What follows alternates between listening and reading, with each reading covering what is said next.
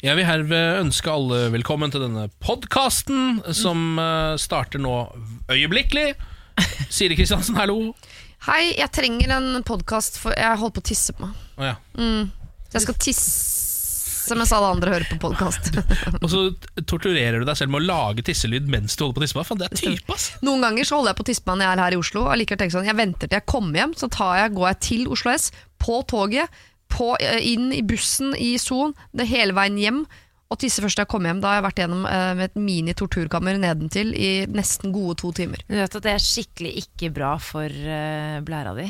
Ja, den blæra tror jeg den er perforert og ødelagt for mange år siden. For sånn har Jeg holdt på siden jeg syns synes det er noe av det kjedeligste i hele verden er å tisse. Men Jeg gjør det helst ikke. Partyblære, da, med andre ord. Det har jeg. Ja. Ja, Du har evig partyblære fordi du har trent den opp til å bli sånn. Jeg bodde mange år i en leilighet uten toalett. Da blir du god på å holde. Nei, gi deg nå. Hva faen sier du? Hva, hvor er det dere pissa da? Var det utedo, eller? Jeg bodde i et sånt kunstgalleri på Grünerløkka. Vi måtte ned i første etasje, over gårdsplassen og inn og låne doen til gipsmakerne som hadde sånn verksted i bakgården. Altså, Av og til så tror jeg at hun finner på ting, men jeg, jeg, jeg tror hun snakker sant. Men det var jo der jeg begynte å tisse i dusjen, for vi hadde et dusjkabinett stående oppå fire lekablokker i gangen, selv om ikke det var lov til å ha innlagt vann der. Så da pissa vi der, og det rant ned i leiligheten under. Da holdt det til en, eh, en kunstner, så vi ødela uh, kunstmalerier, oljemalerier, for den nette sum av 120 000. Med urinfukten deres? Ja. Men igjen, finner hun på ting, eller Nei, det verste, jeg tror det er sant. Er det sant? Det er sant, ja. Ja, En gammel dame med langt mørkt hår som lå med unge gutter og malte hele dagen. nå, nå, det er sant! Nå gir du deg. dusjet hun naken, eller hun dusjet i regnet, så sto hun i bakgården Dusja i naken hver gang det regna. Da sto vi og så på henne, Oi. og så pissa vi på kunsten hennes etterpå.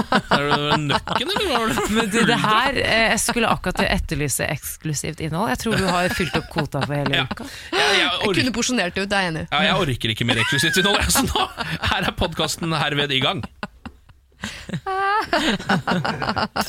Morgen på Radio 1. Her i eh, studio i Morgen på Radio 1 sitter Samantha Skogran, god morgen. God morgen. Og Siri Kristiansen, god morgen. også. God morgen. Eh, Niklas Baarli er fortsatt i eh, San Francisco. Han skal være der fram til, eh, fram til, til uka neste uke. Uh, og nå har han gått på en liten smell, fordi alle vi andre her har fått lønn, men det har ikke Niklas fått. Det har skjedd et eller annet som gjør at han Kjempe- ikke har fått penger. Yes. Og, han, og han er i, i, i USA Ja. uh, og har ikke penger. Oi. Tenk Men deg det. Er han på jobb noen gang? er mitt oppfølgingsspørsmål. Eh, Fortjener han lønn? Altså, eh, Ja. Det er ikke sikkert det er en glipp. Det kan hende at noen her i konsernet tenker han er jo ikke på jobb, han kan ikke få penger. gode spørsmål, Siri. Gode spørsmål. Ja, det, jeg syns det er helt relevante spørsmål eh, du stiller der, men det er i hvert fall totalt Altså Det kom veldig bardust på Bårli, da. Ja, det er, hvis han lurer på hvor de pengene har tatt veien, så kan han jo ta seg en liten tur innom min konto, se om det ikke kan ligge der. Ja. Siden det er du som er vikar her, da. Vikar her i to måneder nå. Jeg har ikke vært ute og plukka blåbær med Thomas Alsgaard ukevis, så det kan hende de pengene er for meg. Kan godt hende det er det som har skjedd her, altså. Ja, god morgen, god morgen. Vi skal være her sammen med deg fram til eh, klokka blir ti, vi. Um, har dere lyst til å titte litt på hva som uh, står på forsiden av Norske Avisen, eller? Gjerne det. Eh, jeg har DN her, Dagens Næringsliv. Der står det 'Står i kø for å investere i vindkraft'. Um, mm. Så det er altså eh, Det står at interessen fra investorer som vil satse på vindkraft, er større enn noensinne.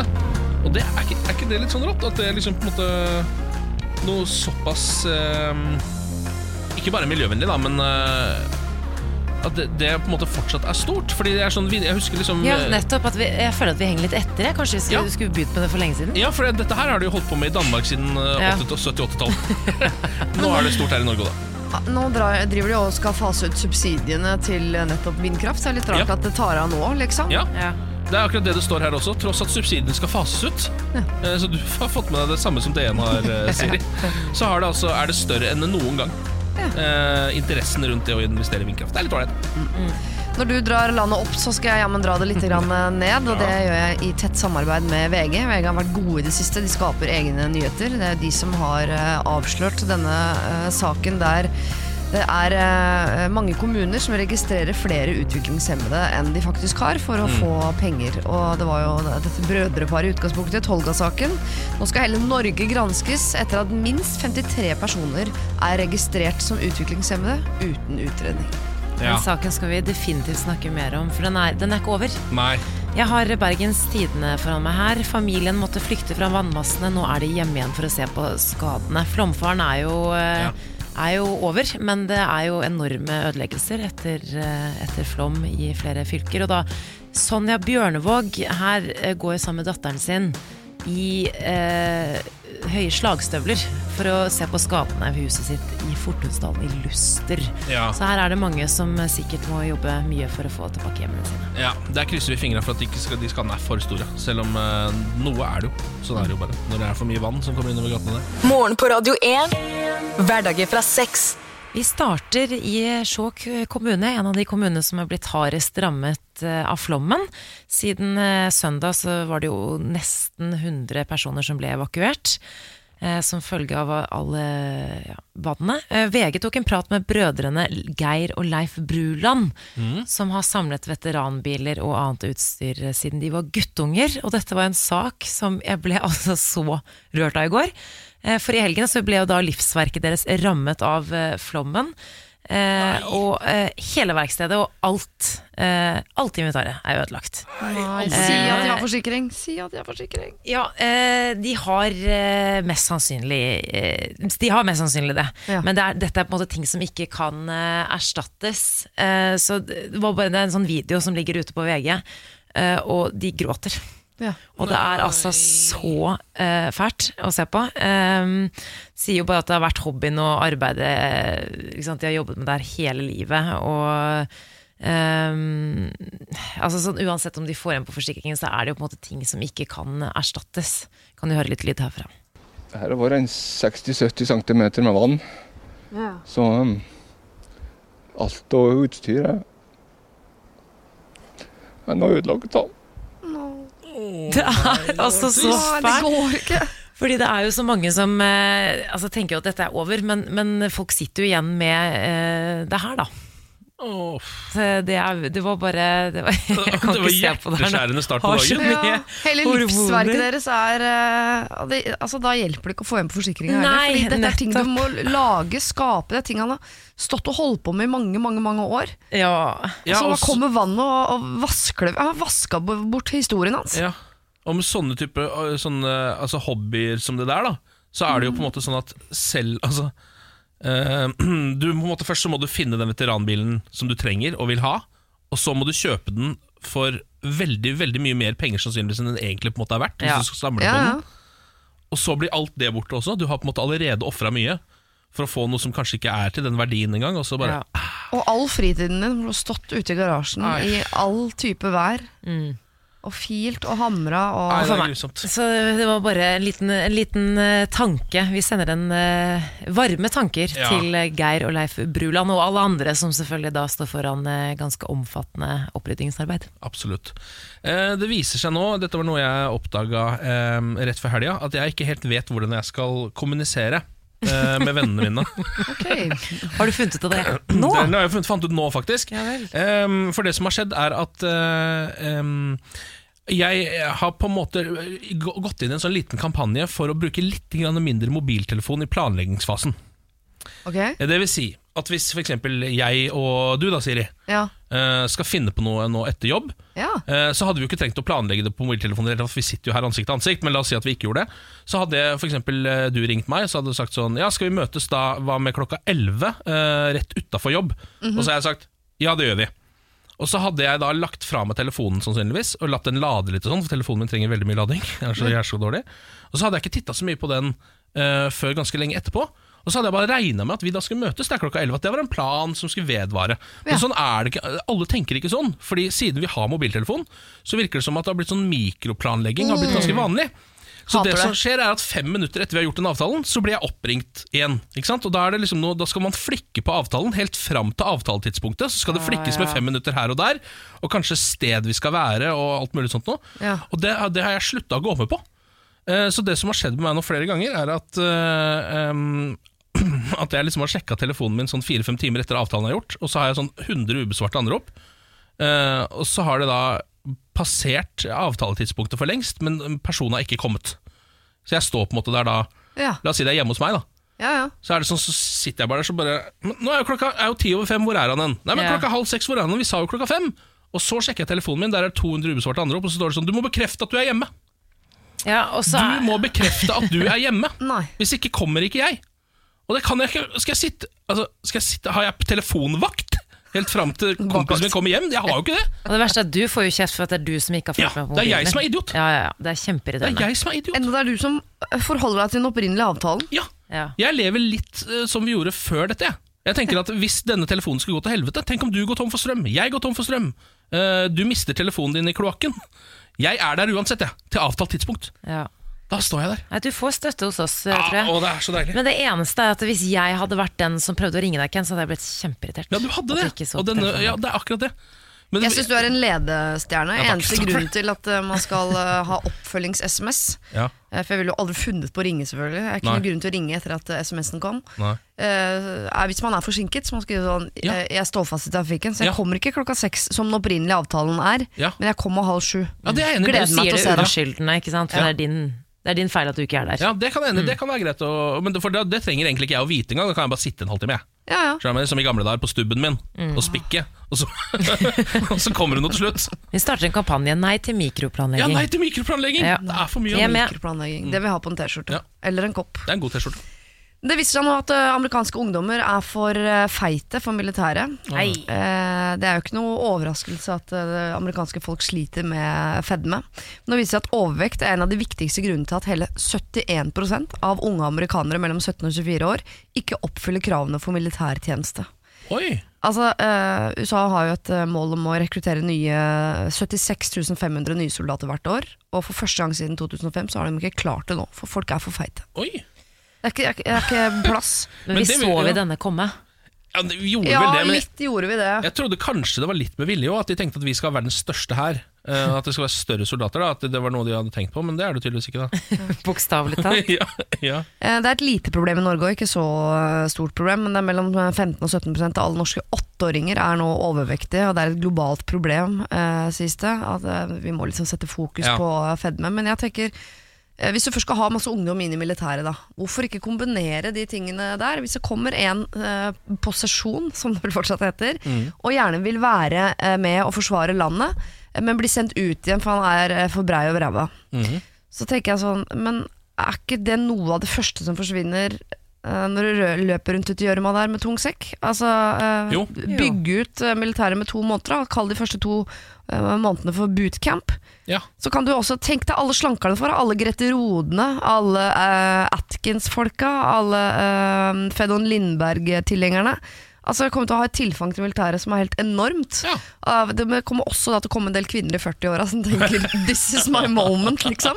Eh, Som tenker sånn ja ja, to måneder bootcamp, og så noen måneder etterpå må jeg forsvare landet, men de der to månedene hvor vi bare må lø bli piska rundt i gjørma, uten tilgang til hvetebakst, sign me. Ja, altså Ikke bare Fedon Lindberg, jeg tenker på Jamie Oliver også. Han har jo hatt sånne TV-programmer hvor han skal hjelpe britiske barn til å spise sunnere Ja. osv. Så videre. så han- så bare integrer alt sammen. Tenk bare å være militærfolk. Ja, men Derfor må de også gjøre noe med militæret, iallfall hvis det er som det norske militæret. Mm. fordi eh, all den fedmen jeg sitter med nå, stammer fra tida mi i militæret. Det var først da jeg gikk opp. Hvorfor? Eh, fordi man løper ikke rundt i skogen sånn som du tror, man sitter på et kontor. Eh, jeg satt med joggedress, for jeg var idrettsassistent. Der satt jeg et år og spiste ja, hvetebakst. Og vafler. Ja, det ser du. Og ga ut baller til andre som skulle trene. Jeg trente litt sjæl òg. Det er er militæret sin feil. Jævla militære. Dette er morgen på Radio 1. Jan Terje har stått opp og sendt oss en liten melding. God morgen, godtfolk. Hører i dag på dere live for første gang. Eh, Sier han er til vanlig podkastlytter, har i dag en seks timers kjøretur foran meg. Ha en fantastisk dag. Hilsen Jan. Ha en fin dag! Så hyggelig. Vi blir så glad når vi får meldinger. Ja, vi gjør det. Fortsett med det. Ja.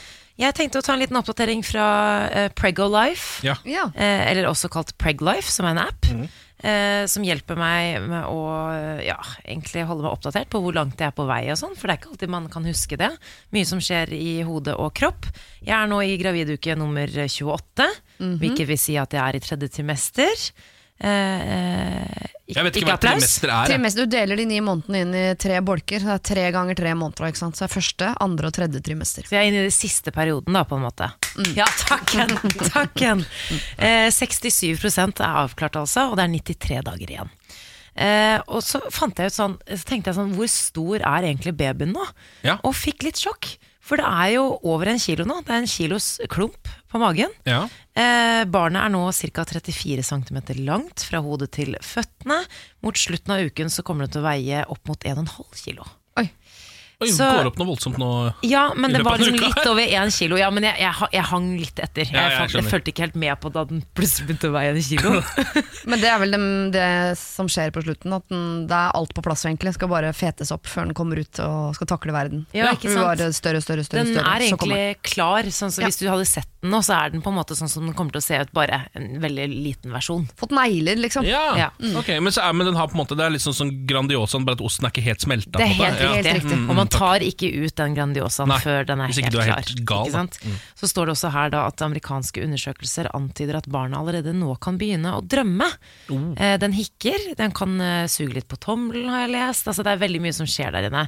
Og apropos drømmer, så eh, graviddrømmer, det er ingen myter.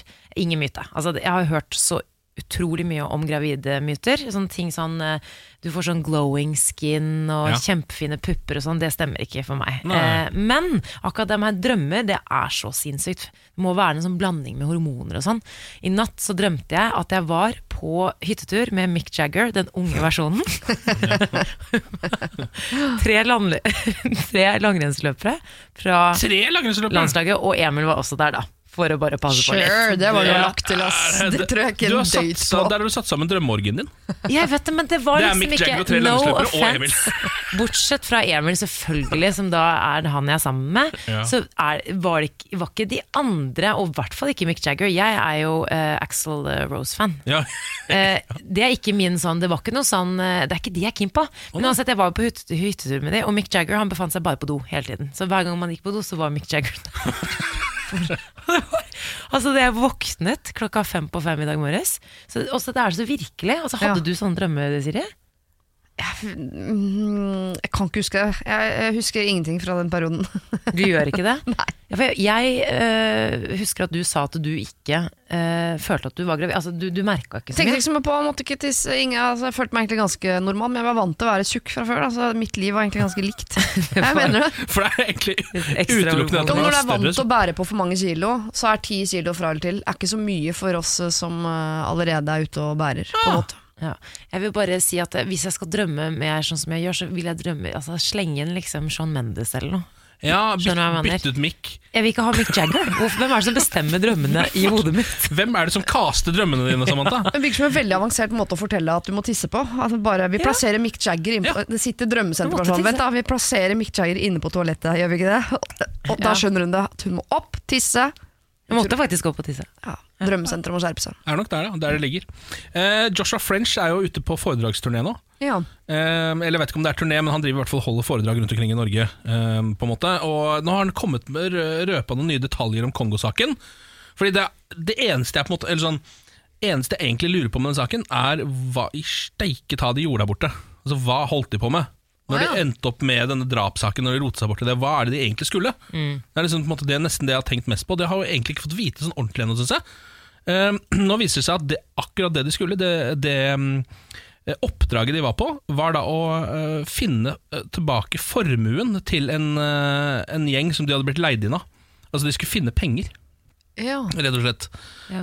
Um, ja, for de har vel sagt at de var på et ulovlig oppdrag. Man Ja. kunne ikke si akkurat innholdet hva de skulle ja, gjøre. ja, de har nevnt ulovlig oppdrag, og det, det, det kan jo være alt mellom himmel og jord. Det kan være eh, at du er ute skal, eh, At du er hitman, skal ut og drepe en person. Ja, det er det man har tenkt, at de var leiemordere. Eller at du er James Bond. ute- Altså, du vet, det er helt umulig å vite hva det var. Men nå står det her at de hadde da møtt en, eller fått et oppdrag fra en rebellgruppe i Kongo. eh, Ble kontakta av advokaten deres i 2009, og de ville jakte en leder som hadde stukket av med formuen deres. Ja. Og da hadde leide de da inn French og Moland til å fikse opp i dette opplegget her. Eh, de hadde til og med gravd ned 10 000 dollar eh, utenfor Kisangani. Ja. Der hvor de endte opp, rundt der hvor de endte opp med å bli tatt, var det ikke det? Jo, jo. eh, som de da skulle gi til en informant, som skulle si til dem hvor disse pengene var. Så de var på en slags skattejakt. som ikke, ikke gikk helt etter planen. For det hen- høres ut som de ikke bare skal finne de pengene, men også hente de pengene. Når de først finner dem, så var det vel noe litt sånn Espen Lie eh, Altså noen Ja. trusler Ja. skulle vel skje. Det var nok jeg en, jeg ser for meg at det var en rebell, at den rebellgruppa eh, sto rundt disse pengene. Så Ja. et eller annet, de måtte gjennom dem, da. Ja. På et eller annet, Har dere hørt vis. på den podkasten To hvite menn Ja. om denne saken? Ja, for jeg hørte på den, jeg syntes det var kjempeinteressant. Men det er på en måte litt sånn Kommer vi noen gang til å få vite sannheten? Nei, altså Det nærmeste vi kommer, er jo nå det Joshua French selv eh, Der han ikke sensurerer. da Og Ja. Det han selv vil si, det får vi kanskje vite nå. Men absolutt alt det tror jeg ikke, altså. Nei. Jeg kom meg bare til episode to, for det, episode to er jo der han snakker ut, handler om han og hans fortid og oppvekst og sånn. Jeg, jeg klarte ikke å falle pladask for hovedkarakteren i eh, Nei, men det er jo det som er interessant. Det er jo det som er gøy. Ja, jeg syns det, synes det var uh, vanvittig var interessant. Ja, det var det. Morgen på Radio 1. Siri, God morgen! Samantha Hei! og Ken. Du, nå er det dags for Sportshjørnet, Ja. og dere må, jeg må bare beklage litt på forhånd, for det blir litt sånn eh, Det blir litt sånn sladderpreg eh, på sport, eh, Sportshjørnet i dag, Ja ja. fordi Petter Northug er ute med selvbiografien sin. Ja. Eh, den heter Min historie. Og der forteller han om rett og slett alt. Jeg må si at jeg er ganske overrasket over alt som kommer fram i den boka. I hvert fall detaljer bak noen av de mest pikante historiene som vi har hørt. Når det gjelder Petter Northug. Han har eh, fortalt at han eh, gikk fra et ganske isolert liv til å nærmest få eh, sosial angst etter all oppmerksomheten han fikk, da spesielt etter VM eh, i Oslo i 2011, hvor Ja. han da ble ja, nasjonalhelt. Ja. Eh, han forteller at han eh, var som en huleboer eh, før denne perioden her. Og så da etter han vant, så ble det altså bare åpnet seg en helt ny verden. Ja, Det synes jeg er litt ålreit at han sier, for det er litt det samme som jeg tenkte. Eh, se Om deg sjæl? Nei, og se på han huleboeren der, tenkte jeg litt. Ja, men jeg gjorde det litt i starten, for han virka ikke så sivilisert som de andre i samfunnet, Petter Northug. Nei. Eh, og det var jo litt derfor vi likte han også. ja, ikke sant? Han forteller at han fikk så mange dametilbud at ingenting ble spennende lenger. Ja. Uh, han kunne nærmest ikke gå inn på døren på et utested uten å få et eh, tilbud. Ehm, og, under den første festen, etter eh, VM-gullet på den avsluttende femmila i Holmenkollen, så dro han i gang en skikkelig fest, som da skulle gi et spesielt møte som utviklet seg, og dette er da eh, glamourmodellen Aylar. Ja, Aylar, ja. Ja, han møtte Aylar på Hard Rock Café. Hun hadde mørkt hår, og hun het Aylar. Eh, videre så forteller han da også eh, om forholdet. Altså, det varte jo ikke så veldig lenge, da, men han omtaler da også eh, ryktene om at hun, eh, at hun ja, skulle ha blitt gravid, Ja. og at det var han som faren osv. Men han på en måte benekter jo alle disse ryktene da. Men det er første gang han tar tak for dette. i det har dette. jeg hørt. Ja, ikke sant? Eh, for snakker også om fyllekjøringen. Eh, innrømmer at han løy for politiet. Eh, han eh, sier følgende Jeg ville bare ut av politistasjonen, jeg ville hjem og legge meg. Så jeg tenkte at det, det enkleste, det som fikk meg raskest ut derfra, var å si at jeg ikke kjørte. Men han angret så fort han eh, var ute av politis politistasjonen. Ja. Eh, Da sa han til eh, manageren sin Are Langås at eh, de måtte snu, fordi han måtte fortelle dem sannheten at det var han som kjørte bilen. Han fikk rett og slett dårlig samvittighet. Men snudde de da, eller sa manageren nei, nei, nei, nei, nei Petter, nå går vi og legger oss? Nei, det får du vite hvis du leser boka. Mm, jeg håper han har spart noe, for han kommer til å gi ut en biografi til. Jeg tror han er det var eldre? nok, liksom. Det var ikke nok Jo, med dette er my my- mye og nok, men jeg bare, det er eh, enten så satser han på flere skandaler i Ja. livet, eller så er det også noen detaljer han ikke gir oss. Men Føler eh, får, du- får du lyst til å lese boka? Ja. Jeg, jeg, jeg kjenner jo at jeg får litt lyst, faktisk. Eh, Fordi den tar meg jo tilbake til en tid med liksom Aylar og sånt, Det, det føles Ja, ja. så lenge siden nå. Den tida? Ja. Ja. Nei, den, eh, det er bare å løpe og kjøpe. Ja. Jeg har tatt med en, eh, nå som du er her, Siri, selvfølgelig, jeg har tatt med en Formel 1-nyhet. Ja! Fordi det er du veldig glad i. Jeg setter Ja. så pris på folk som setter pris på sport. Selv om det er Formel 1, noe jeg ikke har fulgt med på noen gang.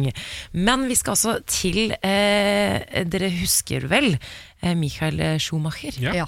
Ja. Den store helten som eh, dessverre var involvert i en tragisk skiulykke eh, i de franske alpene for fem år siden. Og han havnet jo i koma og har kjempet eh, for livet helt siden det. Men har jo blitt skrevet ut av sykehuset, men han er jo ikke frisk. Han er jo ikke frisk. nei, absolutt ikke.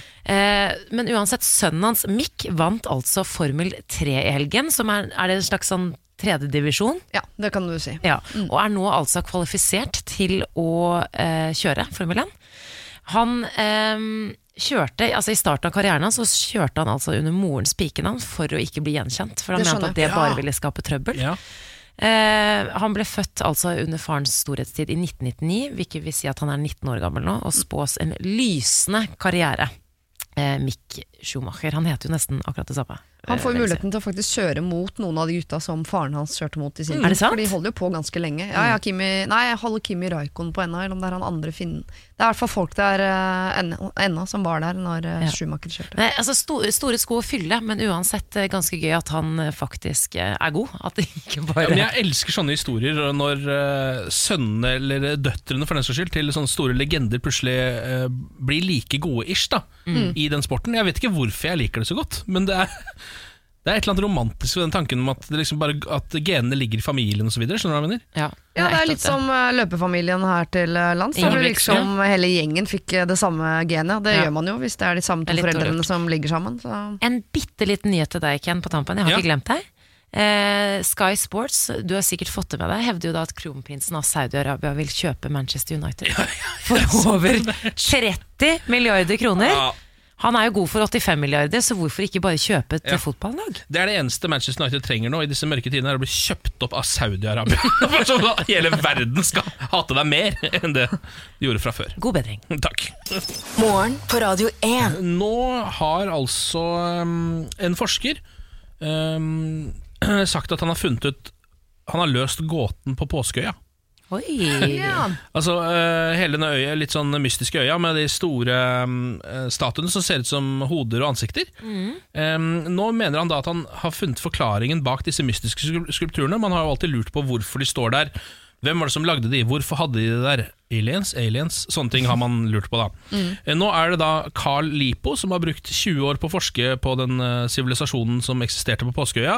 Um, og det han har egentlig vært opptatt av, er å finne ut hvordan folket som um, bodde der, klarte å overleve der. Fordi det er regner med at uh, det er, kom sånn um, 1200 millimeter nedbør i året ditt, så han lurte på hvordan de uh, skulle få nok drikkevann. På en måte, fordi det bodde 15 000-20 000 folk der. Hvordan fikk de drikkevannet sitt, er det de har lurt på. da På en øy omgitt av uh, saltvann. på en måte Og det de da har funnet ut, var at de tror at de drakk brakkvann fra noen grøfter langs kysten på øya der. ja. yes. Og da mener de at disse statuene som står rundt påskeøya der, de viste hvor det var vann. Rett og slett. Det er derfor de sto der. Det var sånn, Her er en statue, her er det vann. Ja. Det er på en måte det han har kommet fram til gjennom 20 år med forskning. da. Uh, og de uh, eh, slår det nå opp som på en måte selve løsningen på gåten på påskeøya. Um, og da tenker jeg sånn, ja, spennende det, men det er ikke bra nok. Nei. Skjønner du hva jeg mener? Ja, men Stemmer det, liksom? Er det Ja, eller- en vannkilde ved hver sånn statue? eller? Ja, ja, i hvert fall det- han mener det, han fyren her. da Og så må du jo sikkert sende opp en annen fyr da for å se om han mener det samme. og, så, og så videre og så videre Men dette her er da inntil videre løsningen på gåten på Påskeøya. Altså en av sivilisasjonen, en av historiens aller største mysterier. Ehm, og dette er på en måte løsningen. Vann. Uh, og det for Nå om dagen så kommer det fram veldig mange sånne ting om mange av de aller største tingene. Så, eh, alle, ting som jeg har lurt på siden jeg var to år gammel, har de begynt å lø, nøste opp i nå. Og det begynner å komme svar, men det er aldri bra nok. Nei, det, er ikke, det ødelegger jo all spenn. Det er nesten bedre å ikke vite. Ja, Ja.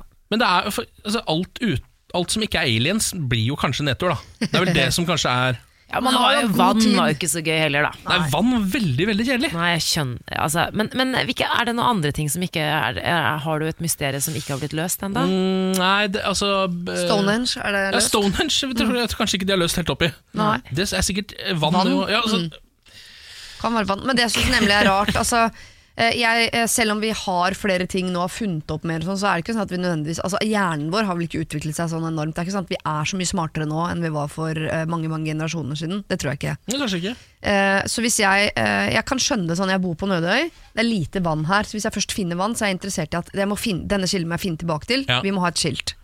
Ville du da satt opp en massiv statue på mange tonn? Nei, det er der jeg ramler av, fordi jeg syns det virker for komplisert eh, å hente Eller kanskje sto en stein da ved hver sånn eneste vannpytt, det vet jeg ikke. Ja.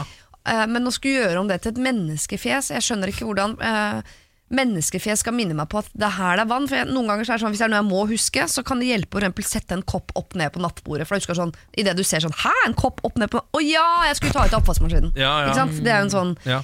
Men å, å, å hogge ut masse menneskefjes for å vise at her er det vann det, Jeg syns det er for omfattende og for komplisert. ja, men Det er veldig bra at du Hull går i teorien. Ja, hull i teorien. Det er veldig bra, for jeg vil ikke at dette skal være svaret. Det blir for kjedelig. Ja, det er, eh, det er for kjedelig, rett og Ja. slett. Ehm, det er over til eh, noe som ja, kanskje ikke er eh, så mye mindre kjedelig. Jeg har lyst til å snakke om skinnbukser. Fordi eh, nå går vi inn i en sesong, dere, hvor jeg utelukkende bekler meg i skinnbukse. Ha- Har du Jeg på har- deg det i dag? Du hadde I på dag, i har går òg. ja, I dag har jeg den svarte, i går hadde jeg den uh, rød. Jeg har fem skinnbukser. Det er Eh, mer skinnbukser enn noen andre i Norge har, tror Ja, jeg. det tror jeg også. Jeg bruker ikke noe annet enn skinnbukser, uh, og jeg bruker det en gang, eller sesongen er lang. Fordi eh, det jeg liker veldig godt med den, er at eh, når det er kaldt, så varmer de, og når det er varmt, så uh, kulder de, på en måte. Eller kjøler ned, som det heter. Men jeg har også oppdaget noen sider ved skinnbukse som jeg lurer på om jeg er alene om å ha oppdaget. Ja, du Og kan søle på de. Eh, ja, det kan man gjøre. Det er veldig, veldig deilig. Men eh, hvis man har vondt et sted, så øker smerten når du har på deg skinnbukse. Eksempel, det er jo ikke helt uvanlig å begynne å få litt vondt i et kne eller to når man eh, blir voksen. Og når jeg har på meg skinnbukse, så har jeg vondere i kneet. Det er akkurat som om skinnet legger seg rundt smerten og eh, eh, Altså strammer rundt et vondt kne. Sånn at det vonde kneet er alltid mye vondere når jeg har på skinnbukse. Så nå går jeg inn i en vondt knesesong. Er det, eh, jeg trenger å vite mer er alene om dette. Det er litt sånn her. gips, da. Det er litt sånn ja. Det er eh, kanskje det er litt trangt med skinnbukser. At det er fordi det er trangt, ja. Ja, Jeg ville nesten tro, litt ja, tro, tro at du ga støtte til leddet, at det skulle bli bedre av det. ja. For det er Ja. mye motstand. Altså Kneet får ikke bevege seg fritt inni skinnbuksa. Det klistrer seg nærmest til Ja. kneet, så får ikke beveget seg. Det kanskje er det at kneskålen ikke får beveget seg. Så du, du driver og si, går på deg leddgikt nå med skinnbukser? Ja, så Det er en negativ konsekvens for skinnbukse. Og grunnen til at jeg snakker om det nå, for I går oppdaget jeg også en annen side ved skinnbukse som er negativt. Og Jeg kan ikke oppdage flere nå, Fordi da har jeg en skinnbuksekolleksjon som ikke er forbrukt. Ja. Eh, og det er altså Hvis man fiser i skinnbukse, så er det akkurat som bevarer eh, den vonde lukta mye lenger. Det gjør Det er det. akkurat som setter seg i materie, på en måte. Mm. holder deg varm, da. Ja, men det, det gjør det jo, fordi det er jo ehm, Det er jo færre, dårlig ventilasjon, kan man vel si, Ja, kanskje er i en skinnbukse. Ja. Ja. Ja. Så det vil jo holde på det som er der inne, vil jo bli der inne. Det blir jo en slags eh, Du får en slags sånn ozonlagseffekt. Ja, for den vonde lukta fulgte etter meg ganske lenge. Ja, det det, Jeg har noe positivt til deg. ja. Eh, Du er veldig snasen i skinnbukser. Tusen takk. Du er veldig fin. Ja. Ja, tusen takk. ja, men du, altså Da kan det hende jeg bevarer kolleksjonen, altså, at jeg fortsetter med den. Men jeg må Drit eh, i fisen. Jeg kommer til å ha vondt kne og lukte vondt. Så lenge man ser godt ut. Så lenge man ser godt ut. Morgen på Radio 1. Hverdager fra Og nå er det altså på tide å sette i gang med Radio 1-millionen. Vi har med oss Eva på telefon. God morgen, Eva. Hei. Åssen har du det denne morgenen? Det var bra. Hvor er du ringer fra? Vestby. Vestby, ja. Det er ikke så langt unna der du bor, eh, Siri. Jeg kjører eh, gjennom eh, Vestby hver eneste dag, jeg. Ja. med tog. da Har du godt inntrykk av stedet? Eh, Det eneste jeg forbinder Vestby med, er at jeg har outlet der. Ja, eh, Er det ikke der du jobber, da, Eva? jo, det stemmer. Hva, hva er det du jobber med på outleten? Jeg jobber på en butikk som heter Tweens, og der har jeg jobbet i seks og et halvt år. Ja, Såpass, ja. Hvilken butikk sa du? Tweens? Ja, det er en eh, barne- og ungdomsbutikk. Oh, I know, I've been there. Kjøpt så mye bar yeah. barna. Og slalåm mitt første alpin, eh, min første alpinpakke. Oh. Kjøpte jeg opp i andre yeah. etasje hos dere av en nydelig franskmann. av en nydelig franskmann. Ja. Kjenner du han franskmannen, Eva? Ja, Ja. Hva heter han, da? Hva er fornavnet hans? Jean-Pierre? Han heter Medi. Ah, Hils fra meg. Funker som en kule, skal skia jeg der. Ja. Det er bra. Har du noen andre planer eh, i dag, da? Annet enn jobb? Um, jeg skal ikke jobbe i dag, fordi jeg skal um, pakke litt og sånn, siden jeg skal på en øvelse i morgen. ja, hvilken øvelse? Nato-øvelsen. Oi. Ja, Det er altså den store Nato-øvelsen som foregår i eh, Norge i disse dager. Er det Ja, Trident det Juncture? Juncture. Ja, Ja. Trident Juncture. Hva er det du skal for noe der, Eva? Eh, jeg skal være medic, eller innkalt som medic. Ja, Så jeg skal være der i to uker. Oi, spennende. Men medic, betyr det at du jeg håper å si, jobber med Er du helsearbeider? Nei, nei, jeg er ikke det. eh, men jeg fikk Eller jeg tok jo um, nivå tre, sanitetsnivå tre, når jeg var i Forsvaret. Eller i førstegangstjenesten. Ja, for det har vært i førstegangstjenesten. Altså, du tok en utdannelse, liksom, helse, eller sånn medisinsk utdannelse der, da? Den helse... Jeg fikk, ja, jeg fikk sanitetsnivå tre der. Ja, så du går da rundt med, Når du har på deg uniformen, så har du et sånt eh, kors på armen. Som viser at du kan ordne opp i ting hvis folk fucker opp. Ja. Ja, Du er en av dem det ikke er lov å drepe hvis eh, det Ja, er krig, er det ikke det det? er helt riktig. Ja. Ja. Deg og trommegutten. Det er litt deilig. Trommegutten. ja. Du skal altså være med å prøve å vinne en eh, million eh, i dag. Ja. Vi hadde jo, eh, vi hadde jo et inngangsspørsmål. Ja, det. stemmer det. Vi spurte da hvilken by er det Jon Arne Riise kommer fra. Eh, og har du svaret på det, da? ja, han er fra Ålesund. Ja. Han er født i Molde. Ja, Er han født i Molde, ja? Det visste jeg faktisk ikke. Men han er fra Ålesund, da. Det er, det er han jo absolutt. Ja. Det, Det er der statuen, statuen står. Men eh, hva skal du bruke en million kroner på hvis du vinner, eh, Eva? Eh, Jeg tror jeg skal spare til en leilighet. ja, Vi har egentlig sagt at det ikke er lov å si leilighet, fordi det er det alle sier. Hvis du ikke får lov å kjøpe deg leilighet, hva gjør du da? Eh, Da reiser jeg. Ja, Ja, det er bra. det er gøyere svar, da. Det er Så gøyere en nydelig leilighet til 2,2 i går, som jeg er fysen på sjøl. Altså. Ah, ja. Eh, Ok, men da eh, Da tror jeg vi kjører i gang, jeg. Ja. på 1 og supremecard.no presenterer Radio 1-million. premien du er født til å vinne. Men aller først så må vi jo gå gjennom eh, reglene, Eva. Bak en dato så skjuler det seg altså 1 million kroner. Og for å vinne den så må man treffe eh, riktig dato, og det eneste du har lov til å oppgi, er jo da din egen fødselsdato. Er de reglene forstått, Eva? Veldig bra. Da går vi i gang da med å spørre hvilken måned er du født? Januar. Januar, ja. Ja, Det er min måned òg, det. Den første måneden. 0-1. Hvilken dag i januar er du født, da? 17. 17. Da har jeg termin. Har du termin? Det er termin! Og det lukter en million! Å, dæven. Ja, nå, nå begynte, jeg- nå begynte gikta å, å sprenge, kjenner jeg. Nå kjenner jeg det. Eh, ok, eh, til slutt, da. Hvilket år er du født? 1995. 1995. Ok, 0-1 1795. Skal vi se, da.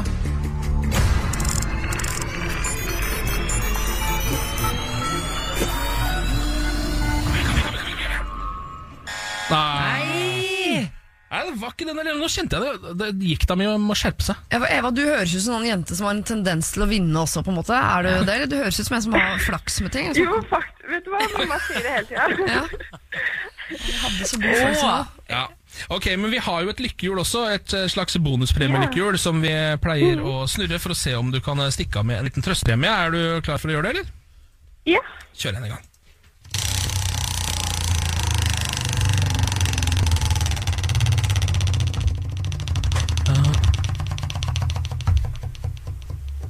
Ja, tusen spenn, da. Oi! 1000 kroner fra supremecard.no. Det er ikke gærent, det. da Det er liksom, altså, Du får ikke reist så veldig langt med det, eh, men en lita tur over grensa til Svinesund, så får du deg ganske mye bra for de 1000 kronene. Jeg faktisk ikke månedskort Ja, engang inn til Oslo. Bare sånn at det er. Ikke, ikke snakk 1000 kroner ned nå, Siri. Det, det er ikke bra. Men du var masse lykke til eh, på øvelsen, Eva. Jo, tusen takk. Du får, ja, du får ha lykke til på øvelsen, og så får du og Siri snakke sammen seinere. Du skal vel innom Vestby på veien hjem? Skal du Skal innom Twins Twins før uh, vintersesongen setter i gang. Ja. Ha det godt Eva. Ha det bra. Ha det. Morgen på Radio 1 og supremecard.no presenterer Radio 1-million. premien du er født til å vinne. For din mulighet til å låse opp million, lytt hver morgen 10 over 7. Radio 1 er dagens største hits. Og én million kroner hver morgen. Radio 1. Morgen på Radio 1. Samantha er på plass. Hei! Siri er på plass. God morgen. Og så er også Henrik Asheim på plass. Velkommen, Henrik. Takk skal du ha. Eh, vår mann på tinget. Ja. Du er veldig godt kledd i dag. Å ja, vi sitter og har høringer. Dere har det, ja? Ja, Så nå kommer det organisasjoner eh, på løpende bånd inn for å fortelle hva de syns om statsbudsjettet. Oi. Det er oi, ja. de- Ja, for jeg regner med at det ikke er bare sånn drittbra budsjett. Nei, dritt- det hadde jo vært utrolig koselig hvis alle bare kom. Vi, vi har også med kake, faktisk, for vi syns det var så bra budsjett. Men eh, det er det ikke så mange som sier. Men er det sånn, du, du har, på, har du på deg joggesko, eller har du på deg pensko i dag? Pensko. Oi! Ja, ja, ja, ja, Ja, ja. da er det skikkelig. respekt for de som kommer på besøk, si. Ja, jaggu. Så Denne de mannen- ber ikke om penger. Det er ikke folk som vil ha penger, de vil bare synse om pengene. De vil ha. Ok, Så er det litt som Idol-audition. Ja, det er faktisk, ja. Ja. ja, og så sitter vi sånn etterpå og sier sånn Du er ikke videre til Oslo. var en fin powerpoint, syns jeg. Men kanskje ikke helt Du er ikke helt klar for å få mer penger på statsbudsjettet. Kom tilbake neste år. Ja, sånn er det når man er, sitter i finanskomiteen, vet du, Henrik. Du må, stå, du må faktisk stå til rette for dette. Altså, da, må, da er det greit å ikke ha på seg joggesko, tenker jeg. Ja, jeg også tenker det. Nå som du først er her, Henrik, så tenkte jeg vi kunne ta en prat om en eh, sak som har preget overskriftene de siste dagene, den siste uken. Eh, og det er da Tolga-saken. I går kom nyheten om at regjeringen eh, iverksetter full granskning av denne saken. Bakgrunnen er da altså denne VG-saken om de tre brødrene Lars Peder, Arvid og Magnus Holøyen, som alle tre ble registrert som eh, psykisk utviklingshemmede av Tolga kommune, uten at de visste det selv. Og de ble også da satt under vergemål eh, mot sin vilje. Um, nå har de altså i hvert fall begynt å ordne opp i denne saken her. De fikk en unnskyldning fra ordføreren. Ehm, tester viser da altså at de ikke har eh, psykisk utviklingshemming. Ja. En ny sak uh, som ble publisert på søndag, viste da at uh, en, norske kommuner har registrert 3000 flere psykisk utviklingshemmede enn det for ti år siden. Og nå skal de altså undersøke om det er noen kommuner som misbruker ordningen, som da gir dem ekstra midler mm. for psykisk utviklingshemmede. Henrik, har du noen tanker rundt denne saken? Altså Det er jo for det første en kjempealvorlig sak, men jeg tror også det er en påminnelse om hvor maktesløs du kan bli hvis myndighetene svikter deg. Altså den? Når kommunen sier 'du er psykisk utviklingshemmet', så er du ganske aleine. Altså. Det er ganske vanskelig å motbevise en sånn påstand.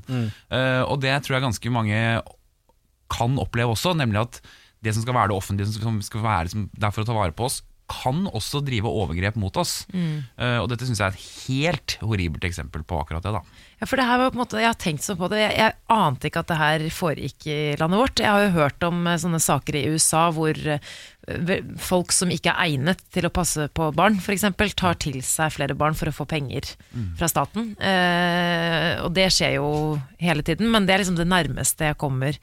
Eh, jeg har liksom ikke hørt om lignende saker her i Norge. Nei, for Det er jo det økonomiske som ligger til, bunn, eller grunn, til grunn her òg. er jo at de, Kommunen får jo mer penger hvis de har flere psykisk utviklingshemmede. Så da registrerer de flere som psykisk utviklingshemmede som ikke er det engang. Og som ikke det er stygt nok, så er jo det stygge oppå det stygge er jo at de pengene man da får, skal jo gå til å legge til rette for den psykisk utviklingshemmede. Men her er de på toppen av ondskapen sett liksom sitt snitt til at vi trenger ikke å bruke alle pengene til de det egentlig skal gå til. Vi kan beholde litt selv som vi bruker til andre ting. Ja. Nettopp. Altså det er ondskap møter Blir ondskap det noen konsekvenser da for uh, hvem er på en måte Hvem er syndebukken her? Nei, her tror jeg det er mange syndebukker på en gang. Altså, det er derfor man skal granske det skikkelig òg, men her tror jeg både Altså Spørsmålet er jo hva visste politikerne? Eh, Spørsmålet er hvem i administrasjonen visste noe? Rådmannen er jo åpenbart eh, henger jo tynn tråd. Det er, veldig, det er ganske drøyt, altså, fordi det er på en måte så sårbare mennesker som bare blir utsatt for dette helt uforvarende, og det er bare for å få penger ut. Vi har noen sånne eksempler også. Camilla Stoltenberg, som er leder for Folkehelseinstituttet, har jo påvist nå at jo senere på året du er født som skoleelev i Norge, jo større er sjansen for å få en ADHD-diagnose. Eh, Og det betyr jo ikke at du får større sjanse for å få ADHD hvis du er født sent, men det er fordi skolen ikke vet hva de skal gjøre. Fordi to seksåringer så kan én egentlig være to år yngre enn den andre. Ja. I huet, ikke sant? Altså, det Ja, er en en, gutt, en gutt født i november-desember. Ja, min sønn er jo novembergutt, går i klasse med eh, jenter da fra januar. De er på to forskjellige planeter. Altså. Virkelig. Og hvis du da sitter som en skole og så sier du det her må det være en diagnose ute og går. Nei, det er et barn. Ja. Det er et lite barn. Han klarer ikke å sitte stille fordi han heller vil leke. Du skjønner, han er seks år gammel. Ja. Eh, og så, ikke sant, Bare det at du kan påvise det, viser jo at det er Og det, ikke sant, det å få en diagnose, det er vanskelig å bli kvitt. Ja. Så det skal du være litt forsiktig med. Men det er... eh, tror jeg det er slepphendt av og til, ja. Ja, Stikk sak. Men diagnose har man jo lyst til å gi til uh, bl.a. Trump. Kunne Ja. godt fått en diagnose eller uh, flere. Jeg vet Folk har prøvd å diagnostisere han nå. i- I lys av det du nettopp sa, Henrik. Det er vanskelig å bli kvitt. Han er født seint på året, for å si det sånn. Uh, jeg vet ikke om dere har hørt om uh, Elizabeth Warren, en 68 år gammel kvinne som regnes som eh, en av favorittene til å stille mot Trump i presidentvalget i 2020. Han er en av Trump, eh, eller hun er en av Trumps erkefiender. Han har jo gjentatte anledninger kalt henne for Pocahontas. Ja. Eh, og det er egentlig fordi hun eh, selv ved en anledning har sagt at hun har eh, indianerrøtter, bl.a. i en bok hun ga ut for noen år siden, A Fighting Chance. Eh, og så har hun kranglet da med Trump fram og tilbake om dette boka. Hun mener at det er rasistisk at han kaller den eh, for Pocahontas osv. Og så på et tidspunkt så har eh, han sagt at dersom du klarer Han mener det er rasistisk av henne da å si at hun er eh, indianer, fordi han mener at det er du ikke. Come on, liksom. Oh, ja, han tror ikke på det. Så sier jeg jeg skal DNA-teste meg eh, for å bevise at jeg har røtter indianer, eh, hos indianerne. Eh, og da har Trump sagt hvis det viser seg at du har det, så skal jeg donere én million dollar til et veldedig formål. Og nå har hun tatt denne DNA-testen, og den viser at ja, hun er stort sett ikke det. Altså, eh, flertallet av Warrens identifiserbare forfedre er europeiske, men så står det i eh, rapporten at analyser identifiserer også fem genetiske segmenter fra indianerne. Men Trump han avviser hele testen nå og sier at han kommer ikke til å gi en million dollar til noe veldedig formål, for det han mente var at hvis hun stiller til valg, så skal han eh, teste henne personlig. Er han skal i en de han skal utføre selve testen i en debatt, og hvis den testen han tar viser at hun er indianer, så skal han donere Jeg lurer på hvordan den testen er. Now let me see you smoke this peace pipe. Oi, oi. For er det en ting du ikke vil, så er det at eh, Trump kommer bort til deg og begynner å gni deg på innsiden av skinnet med en sånn bomullspinne. Det orker han altså ikke. Det er fantastisk. Oi, oi, oi. Da. Men kan man si at Trump har rasistiske tendenser? Er det lov å si, uh, syns du, Henrik? Ja, Jeg synes det er lov å si. eh, Ja, ja. Ja. Vi, vi bruker ordet tendenser, da er det på en måte innafor å si. Ja. Jeg la ordet tendenser der. Ja, Ja. det gjorde det. Det var tendenser, ja. utrolig smart. Oi, oi. Um, han har jo også vært ute og uttalt seg litt om, eh, om klima i det siste. Donald Trump eh, var inne på det i nyhetene. Ja, han har snudd, rett og slett. Han har snudd. Nå, nå tror han litt, kanskje litt på at det kan hende klimaet forandrer seg litt. Morgen på Radio 1. Hverdager fra Vår faste huspolitiker Henrik Asheim også på plass. God morgen, Henrik. God morgen, god morgen. Er det en ålreit morgen, eller? Ja, det er det. Ja. Ja. Eh, Vi tenkte vi skulle snakke litt om klima. Ja. Fordi I helga så ble det jo plutselig veldig varmt i været, og det kom enorme mengder nedbør samtidig i deler av landet. Eh, Og Det har ført til flom mange steder. Eh, I Skjåk så ble 94 personer evakuert fra hjemmene sine. Dyr og mennesker har blitt frakta rundt med traktor osv. Det er jo da en kombinasjon av mye nedbør og smeltevann. Og det her er jo på en måte egentlig mer sånn vårfenomen. vårfenomen. Ikke, det skal egentlig ikke skje nå. Det er litt sånn dramatisk. Hva er det du tror skjer med klimaet, Henrik? Nei, Vi vet jo egentlig hva som skjer med klima, og det er at vi blir utsatt for mer og mer av det man kaller for ekstremvær. altså den typen, F.eks. at det er så varmt, eller at det er snøsmeltinger i oktober osv. Ja. Eh, og så er det mange sånne klimaskeptikere som sier ja, men eh, husker du ikke hvor kaldt det var i januar i fjor? ikke sant? Og det er helt riktig. Det er farlig, tror jeg, hvis man skal vinne klimadebatten og si sånn, ta et enkel hendelse og si den beviser at klimaendringene er der. Ja. Fordi da kan du bruke det argumentet mot òg. Eh, Og det som klimaforskerne selv sier, da, det er at det er jo summen av alle hendelsene som du over lang tid i 20-30 år kan kartlegge, og så kan du si at summen her er at det blir mer uvanlig vær enn det har vært før. Ja. Og det er det vi ser nå. Ja, Så det er klimaforandringer, rett og slett. Ja, rett og slett. Ja. Eh, FNs klimapanel eh, sier jo at mesteparten av klimaendringene siden 50-tallet høyst sannsynlig er menneskeskapt. Um, hvem er det da som på en måte har ansvaret for klimautslippene i verden? Hvis, Altså Det er jo først og fremst altså det er jo Klimaendringene kommer av CO2-utslipp. CO2-utslipp kommer av industri, at vi bygger arbeidsplasser og verdier og sånn. Vi har ikke klart å frikoble det å produsere energi fra å produsere CO2-utslipp. Og det er grunnen til at de to tingene henger sammen. Og da er det jo åpenbart de landene som har hatt størst økonomisk vekst, som har sluppet ut mest CO2. Og det er jo USA, det er Europa. Eh, Nå er den største utslippssektoren, eller landet av alle, er Kina. Ja. Eh, Og USA er på en god nummer to. Ja. Men hva er de største utfordringene vi har, sånn, i hvert fall hvis vi ser eh, sånn, sett med norske øyne? da? Altså Utfordringene er at vi må nettopp klare å frikoble det at mer energi er helt forutsetningen for å løfte folk ut av fattigdom. Altså Skal du skaffe, skaffe verdier, arbeidsplasser og sånt til folk, og det lever en milliard mennesker under fattigdomsgrensen i verden, så vi må klare det. Men vi må klare det uten at det betyr økte CO2-utslipp. For gjør vi det, så vil du bare skape et annet problem som blir like stort. Sånn at eh, Hvis vi klarer med teknologi og sånne ting som det å få frikoble de to tingene, så har vi løst veldig mye av problemet. Ja. litt naivt spørsmål fra siden her. Sånn, man ser jo hele tiden at det går gærne veien, dette her. på en Ja. måte. Eh, hvorfor klarer man ikke å bli enige om å gjøre altså felles det som skal til for å få en bedre klode? Det er fordi vi har gjort noe som jeg tror er helt logisk eh, med menneskelig natur, men det er også et problem, og det er at vi har delt opp eh, kloden vår i mange land. Ja, det var det. Så det er en hel planet som sliter. Og så kan du dele opp og si at dette er ditt ansvar. Det er som en bygård. Hele bygården forfaller, men alle eier bare sin leilighet, og ingen vil ta ansvar for fasaden. Ja. Så blir det litt vanskelig å få alle til å bli enig. Eh, og det blir en konkurranse om å ikke gjøre det, for det kan være dyrt å kutte CO2-utslipp. Men det man tross alt ser nå, da, vi skal se litt lys på det, det er at flere og flere land ser at det lønner seg å kutte utslipp. At det er Altså, økonomiske interesser. ja, altså Den største nyheten, den beste nyheten nå er at solkraft for eksempel, konkurrerer ikke bare, altså utkonkurrerer jo kull på pris, men det gjør det faktisk til og med med vannkraft. Så effektivt og billig har det blitt at eh, det faktisk lønner seg å gå over på det.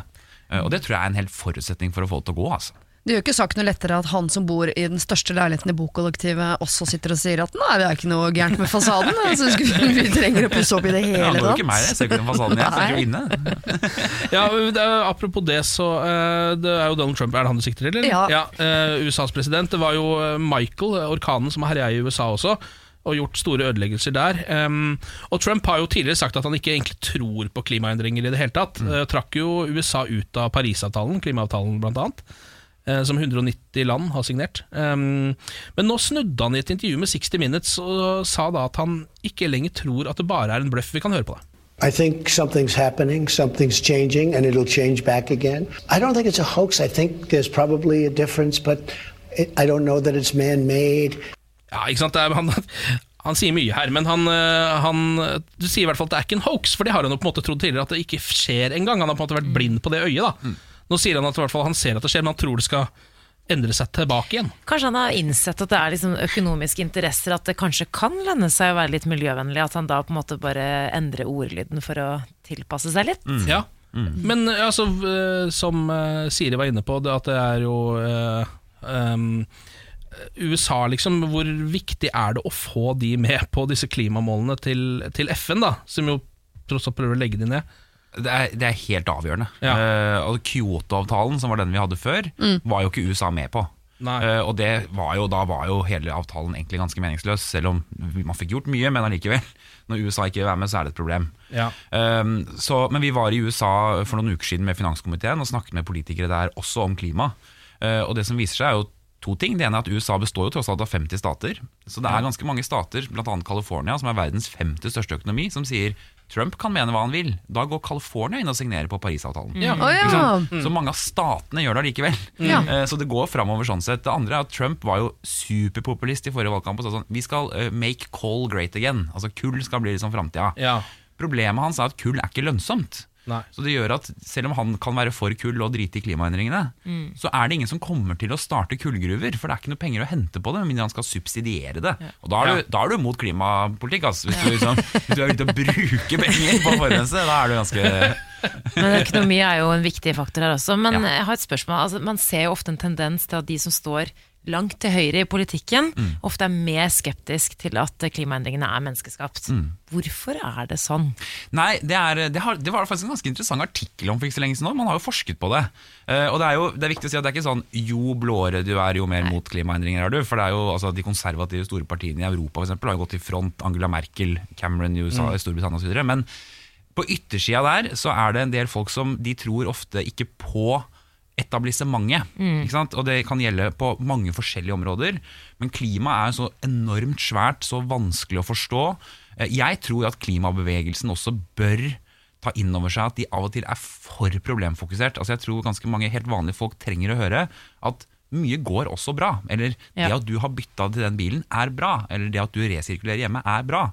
Altså Alle får beskjed om hele tiden det er aldri nok. ikke sant? Det er aldri nok Og da tror jeg ganske mange mennesker Det er en sånn klimapsykolog også, som var på TV, som snakket om det at du har, Barna skal heller leveres i barnehage, du har øh, foreldre på sykehjem, du har en jobb som er stressende. Du har ikke tid til å gå og bekymre deg for noe som folk sier uansett hva du gjør, så blir det ikke nok. Ja. Sånn at Det å oppleve at noe går framover, tror jeg er ganske viktig. da Og i hvert fall fordi man ikke ser det sånn uh, litt etter litt hver dag. Det er jo akkurat som å legge på seg. Du ser det ikke hver dag. Du må ha en sånn Du må plutselig liksom uh, Det må skje en eller annen litt sånn drastisk ting. Ja. Så derfor sånn, sånn de tingene som skjer uh, nå med været Jeg blir nesten litt glad av det, fordi det kan være sånn oppvekkere for de som bare går rundt og tenker at nei, de klimagreiene, det skjer ikke i min tid. Jeg bare venter. Eller sånn som Trump gjorde nå også, for eksempel. Han er sånn, ja, ser at det er klimaforandringer, i hvert fall. Ja, men at det, er, det er som å si sånn Jeg anerkjenner at det er tirsdag i dag. Altså, det, er sånn- det, det, det er det ingen som er uenig om. Nei. Det man diskuterer, er hvorfor det skjer. Ja, men det, er jo, det verste er jo at til å være han, så er det jo et eh, massivt skritt framover. Kjempemessig. så det er kjempebra. En liten applaus til Trump. Bra, Donald. Og så har han vel litt rett også i at det kan forandre seg tilbake. For det er vel noen forskere som også sier sånn historisk sett så har vi hatt like store svingninger før, hvor ting har gått ordentlig dårlig, og så går det bra igjen. Hvis vi bare lar moder jord få lov til å, å ordne opp. Ja, etter at dinosaurene døde, for eksempel, så ble det kjempebra vær. Ja, jeg var så digg å være menneske etter dinosaurtida. Ja, ja, ja. Henrik, tusen takk for besøket. Takk for seg. Dette er morgen på Radio 1. Nå er det quiz! Oi! Ja, eh, Vanligvis er det jo Lars Berrum som holder morgenquizene. Eh, han er ikke her akkurat nå. Jeg har tatt med oppgaven eh, å kjøre en quiz. Vi kjører i gang. Lars Berrums morgenquiz. Bruker allikevel kjenningsmelodien til Lars, da den er så fin. Nå har Eh, Samantha allerede sagt at hun er gravid i hjernen i dag, så det er spennende å se hvordan dette går. Og du har uh, sagt at du jukser på quiz. Ja, det det sa du i går. Ja, ja. Så sånn sett så kan du gå opp i opp, dette.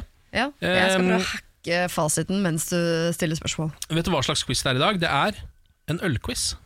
Hvor gode er dere der, da? Nei, ikke så gode? nei. Nei. Vi får se, da. Vi starter med spørsmål øh, Nei, forresten, dere må ha et navn. Det glemte jeg. Eh, Ah, ja. Dere må ha et quizlagnavn. Det, har vi jo, det er jo et hjørne vi har malt oss opp i, eh, som vi ikke kommer oss ut av igjen. Ja. Eh, vi får ta eh, Team Pregnant Brain. Du går under den terminologien. Ja, jeg Jeg synes ikke det det. var så dumt. eh, Nei. Team Pregnant Brain, ja. Er dere klare for spørsmål én i den ølquizen? Absolutt. Eh, altså, eh, eh, Ordet for pils er jo egentlig det eneste ordet man må kunne på hvert eneste språk i hele verden for å klare seg rundt omkring når man reiser. Mhm. Så hva er øl på russisk? Er første spørsmål. Mm, jeg må først passe digresjon til pils. Min far sa alltid til meg da jeg var liten at pils at han, For jeg spurte hvor mange sånne halvlitere, for han kalte det for pils. Eh, hvor mange halvlitere må du drikke for å bli full? Så altså, jeg kan ikke bli full av pils, sa han bestandig. Og da tenkte jeg sånn, å ja, fordi pils er lett. Så for meg er pils lettøl, for jeg har alltid tenkt at han, Å sa sånn, kjøpte, han kjøpte alltid sånn sider til meg i Sverige og sånn i jula som vi drakk. Og da var det litt alkohol i. Det er det jo i sånn eplesider og sånn fra uh, Sverige. Det var så spennende at vi fikk alkohol i jula, også vi barna, liksom. Ja. Men så sa han sånn, nei, så jeg tenkte at det var sånn som sider, at det var så lite alkohol i pils, at det var faktisk ikke mulig å bli full av. Så for meg er pils lettøl. Skjønner du hvorfor vi heter Team Pregnant Brain? Ja. Fordi jeg dynket i alkohol. Ok, Jeg tror at eh, pils på russisk er nostrovje. Nostrongi. Ja. Men eh, det er fordi skål har jeg hørt på russisk. Ja, eh, det er- hva er det for noe igjen? ja, For det var en eller annen bar i Oslo som het det. Hva het den da? Bar eh, Her er vi gode. Nå slutter med digresjonen, Dere er veldig gode så langt. Kan vi få et hint? Ja, det, er et, det er et ord dere har hørt før. Er det birra, liksom? Eh, nei, altså det er ikke birra, kan jeg si. Det er et ord dere har hørt før, men eh, ja. det, det, er, det er også ordet for øl på andre språk. Jeg får tenke på om det er pint, for eksempel. At man kan si Lager. eh, Ja. Jeg må nesten ha et svar, altså. Pilsner. Ja, kanskje det er bare øl. Nei, det er Øl. det er ikke øl men det Ja, er bier, da. ja, men jeg sa, Det er ikke birra, men bi, bi, Hva er det på tysk, da?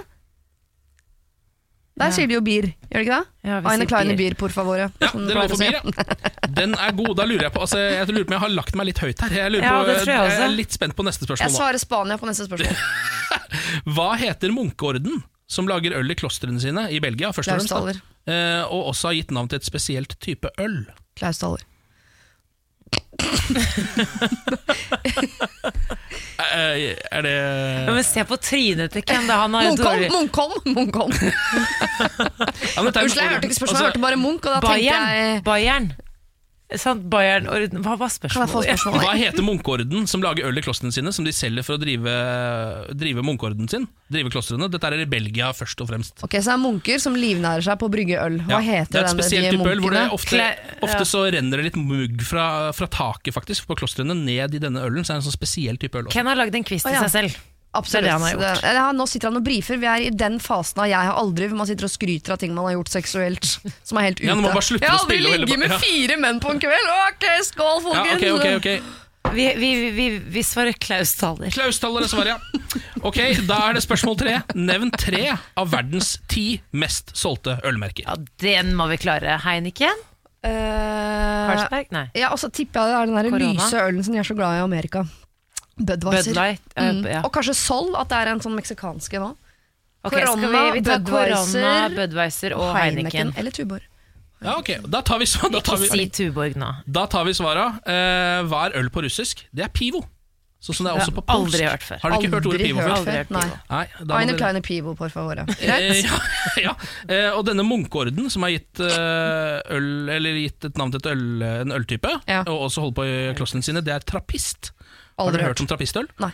Eller trappistorden? Nei. Nei. Eh, og, stikk på pub med noen andre. Jeg er ikke med på greiene her. og så verdens med ti mest eh, solgte ølmerker. Hvilke var det dere sa? Dere sa Budweiser Heineken og Corona. og korona. Ja, det er ett poeng, det, Ja, faktisk. vi klarte oss. Det er jo tre, da. For vi sa jo tre. Jeg tar tre. Ja, Du får tre poeng for den. Ja, du kan få det. Eh, det som er det mest solgte ølmerket i verden, er selvfølgelig kinesisk, og det heter Snow. Eh, og solgte i 2017 101,2 millioner hektoliter. Oi. Høres mye ut, syns jeg. Ja. Høres mye ut. Nei, men Gratulerer, det var tre poeng av eh, fem mulige, av fem mulige som dere fikk i dag. Takk. Er ikke så verst jobba, det, altså. Morgen på Radio 1. Resett-redaktør oppfordrer folk til å melde seg inn i KrF. Det er politisk uro i Norge. Da spesielt etter at KrF-leder Knut Arild Hareide sier at han vil at KrF skal gå i regjering med Ap og Sp, eh, noe som kan felle Erna Solbergs regjering. Og det høyreorienterte nettstedet Resett har nå startet en aksjon for å få eh, leserne sine til å melde seg inn i KrF. Målet er å redde Solberg-regjeringen. Ja. Eh, I helgen så oppfordret da redaktør Helge Lurås folk Altså han ville at folk skulle melde seg inn i KrF for å påvirke valget. Og så sier han følgende Etter landsmøtet er over, kan dere jo melde dere ut igjen. Ja. Og nå har også eh, leder for partiet Alliansen, Hans Lysglimt Johansen, meldt seg inn i KrF for å påvirke valget. Um, og dette blir jo da kalt for et slags sånn kuppforsøk. Ja. Ja. ja. Eh, Knut Arild Hareide kaller dere eh, dette ufint. Og det skjønner jeg jo. Ja, ja. Han avviser jo at det er, måte, partiet er utsatt for et kuppforsøk, men de har jo fått enormt ikke enormt mange, men ganske mange innmeldinger. Jeg tror det er i hvert fall sånn 2000 nye medlemmer. Um, og, men han, selv om han erkjenner at eh, Eller han sier at det er ufint, så sier han at eh, partiets innmeldingsregler kunne vært bedre. Fordi eh, det er jo ikke alle som har betalt kontingent, f.eks., av disse nye medlemmene. Å, ja. Eh, men eh, de har fortsatt på en måte mulighet til å påvirke valget. ja, fordi tallene er på plass, på en måte. Ja, og så er det jo De er jo medlemmer, så de har jo noe Ja, å si. ja. Og så er det dette ekstraordinære landsmøtet som skal finne sted 2.11, hvor de da skal finne ut av det her. Så hvem som blir sendt på dette møtet, og hvem som skal si hva, og om de skal stemme over hvilken side de skal velge osv. Alle har jo noe å si, det er jo et ganske lite parti. Ja. Så um, Det var jo først uh, altså, ment som en gladsak. Det var en forside på Fedrelandsvennen for noen dager siden, hvor det var 1600 nye medlemmer til KrF, bare 138 som har meldt seg ut. Eller sånn. Men det er jo synd hvis det viser seg at så mange av dem at det er nærmest som et kuppforsøk. Og KrF av alle partier må jo kjøre samme linje som kirka, at alle er eh, velkomne, det er åpne dører. Ja. Hvis ikke det hadde vært KrF, så hadde jeg sagt sånn, ja, men da må du lage noen regler da, for hvem som får lov til det. Du kan ikke ha helt åpne dører. Du må sette en eh, eh, aldersgrense eller øvre IQ-grense, eller altså, et eller annet lage en eh, Altså, dere må tette igjen hullene her. Ja, men så er det jo også et eh, på en måte genialt kuppforsøk, kan man jo si. For et kuppforsøk involverer jo vanligvis en gjeng med folk med våpen som løper inn i parlamentet og dreper folk og tar over. Mens her er det gjort det til alle reglene. Det går ikke an å ta dem på noen ting. Nei. Altså De har fulgt Da må man lage nye regler. Ja, de har fulgt alle demokratiets prinsipper og vinner på det, da. Ja. Ja, på en måte. nettopp. Og han, eh, Hans Lysglimt Johansen i Alliansen sier også at han eh, kan eh, Han har tilbudt seg å betale for andre og melde seg inn, så lenge de på en måte bare blir med for å påvirke valget til KrF. Ja, det der blir spennende. det er, jeg, jeg vet ikke hvordan er det, Ja, det er litt ufint. Litt ufint Men det er smart òg. Ja. Det er smart. Ja, ja, ja, Ufint og smart. Ja, det er det. Oi, oi, vanligvis liker jeg det, men akkurat her er jeg skeptisk.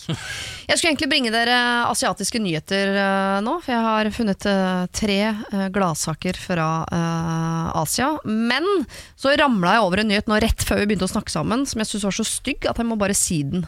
Eh, det er en Rema 1000-sak. altså Rema 1000-ansatt siktet for grov korrupsjon. Eh, det er eh, i Østfold, tror jeg det er, hvor det er en eh, Nei, mann Østfold. i Østfold som skal ha tatt en engangssum for å ansette personer av utenlandsk opprinnelse, for deretter å kreve inn 15% av lønna deres. Altså, da sier han du kan få lov til å jobbe her, eh, det koster så og så mye, og jeg skal ha 15 av lønna di, som har gått direkte tilbake til han privat. Eh, Og det er jo da en av disse som har fått den jobben og betalt disse pengene og gitt av lønna si, som har eh, varslet eh, Rema 1000 om forholdet. Og Rema 1000 har da eh, videre gitt en bekymringsmelding til eh, politiet. Det er nå eh, to eh, personer som er eh, pågrepet av politiet. Ja. Dette var ufint, syns jeg.